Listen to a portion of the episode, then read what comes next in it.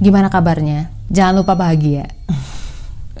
Jadi gini guys, aku mau ngomongin tentang bahagia nih. Kenapa ya orang itu malah nggak bahagia ketika dia memutuskan untuk mencari kebahagiaan? Nah loh, pusing nggak? I just wanna be happy, you know? Ya itu berarti dia belum menemukan kebahagiaan. Tapi perlu nggak sih sebenarnya menemukan kebahagiaan atau mencari kebahagiaan tersebut? Assalamualaikum warahmatullahi wabarakatuh. Hai, ini Ria. Kamu lagi ada di podcast Self Healing, podcastmu yang sedang belajar berdamai dengan luka melalui psikologi Islam.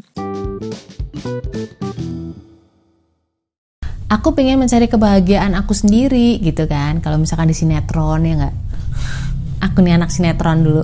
Oke okay, fix berarti gue harus mencari kebahagiaan dan gue merasa dan gue percaya kebahagiaan itu didapat melalui kesuksesan. Kesuksesan dalam hal ini gue masih berpikir bahwa kesuksesan adalah punya pekerjaan yang enak ya gaji yang lumayan status sosial yang juga baik. And I got it. Alhamdulillah aku dipersilahkan Allah untuk mencicipi itu. Jadi aku bekerja di sebuah bank plat merah dengan posisi yang lumayan. Menurutku sih itu udah jauh lebih dari cukup ya. Gue termasuk orang yang standar bahagianya tuh nggak nggak nggak ribet gitu. 6 bulan pertama tuh aku ngerasa happy banget, like seriously. Ah ternyata begini ya, uh, happy itu. Tapi lama-lama kayak semuanya membiasa. Ya namanya bekerja kadang seneng, kadang sedih ya, kadang senep ya nggak. Tapi to be honest, ya membiasa. Sampai pada titik aku ketemu seseorang dan gue berpikir bahwa mungkin ketika aku menikah dengan dia aku bakal bahagia. Yang mana kebahagiaan yang kemarin yang dari status sosial kesuksesan dan macam-macam itu itu udah nggak terlalu ngaruh buat gue gitu. Jadi jadi ada yang namanya senang sedih senep uh, happy ya kayak gitu gitulah but to be honest itu juga semua sudah membiasa oke? Okay? jadi udah kayak temen aja apa gue punya anak ya? Karena banyak yang berpikir bahwa anak adalah sumber kebahagiaan. Walaupun sekarang aku nggak setuju dengan itu ya.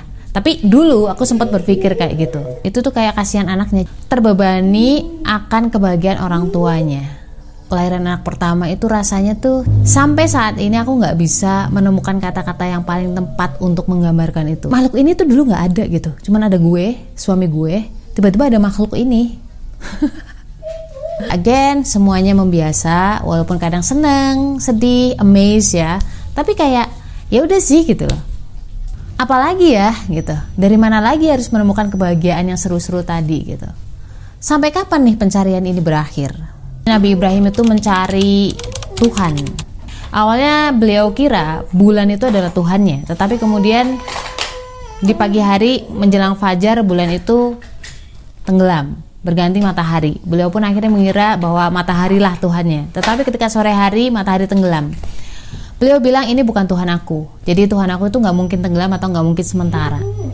Terus gue mikir, bener juga ya. Jangan-jangan gue salah mencari selama ini. Karena apa? Kebahagiaan, uh, kesedihan, kesenangan, ya, euforia itu semuanya tuh kayak digilirkan gitu Sementara ya sama kayak matahari, bulan, seperti hujan, kemarau, siang dan malam. Sudah ada gitu sebenarnya udah ada.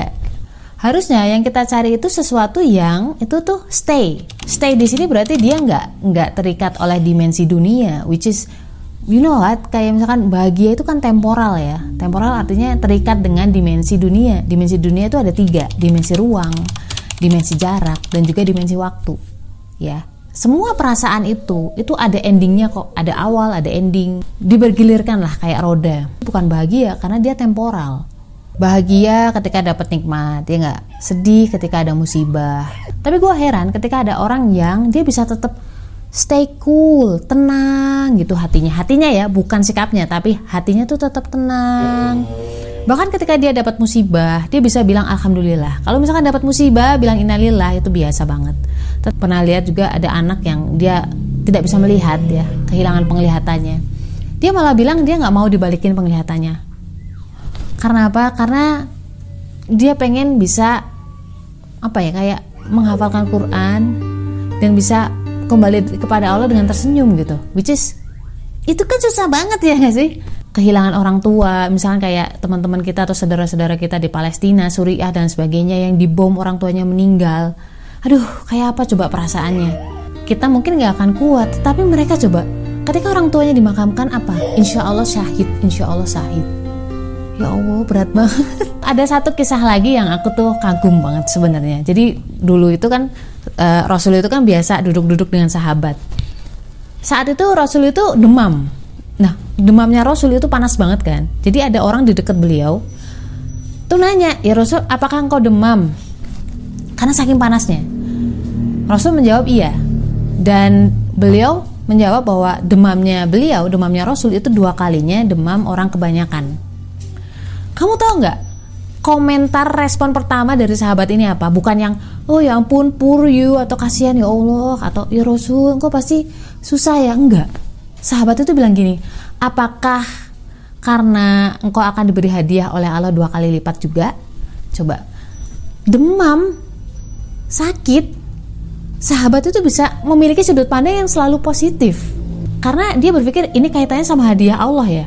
Ini tuh nggak gampang loh bro, kayak gitu. Bagaimana sih orang bisa tetap melihat positif di saat musibah terjadi gitu kan? Dan dari situlah titik itulah aku berpikir bahwa sebenarnya yang kita cari itu bukan kebahagiaan, karena kebahagiaan itu adalah sementara. Sebenarnya yang kita cari adalah ketenangan atau ketentraman. Kenapa harus seperti itu? ketika kita tenang, hati kita tentram, kita tuh bisa melihat nih, bisa melihat dari sudut pandang yang jernih, yang positif. Kalau misalkan kolamnya tuh keruh ya, kita nggak bisa melihat uh, apa yang ada di dalamnya. Kenapa kolam itu keruh? Kita kobok-kobok tuh airnya kan, airnya keruh kan.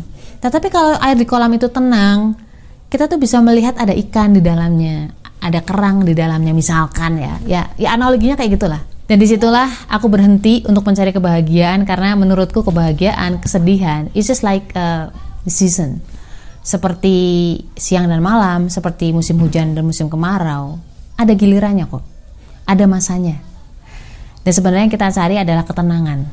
Walaupun namanya ketenangan itu bukan posisi, tapi kita harus men menjaga atau memaintain. Dan alhamdulillah Allah kasih aku jawaban dari mana kita mencari ketenangan. Di Arad ayat 28 yaitu orang-orang yang beriman dan hati mereka menjadi tentram dengan mengingat Allah. Ingatlah hanya dengan mengingat Allah hati menjadi tentram. Itu dia jawaban dari Allah.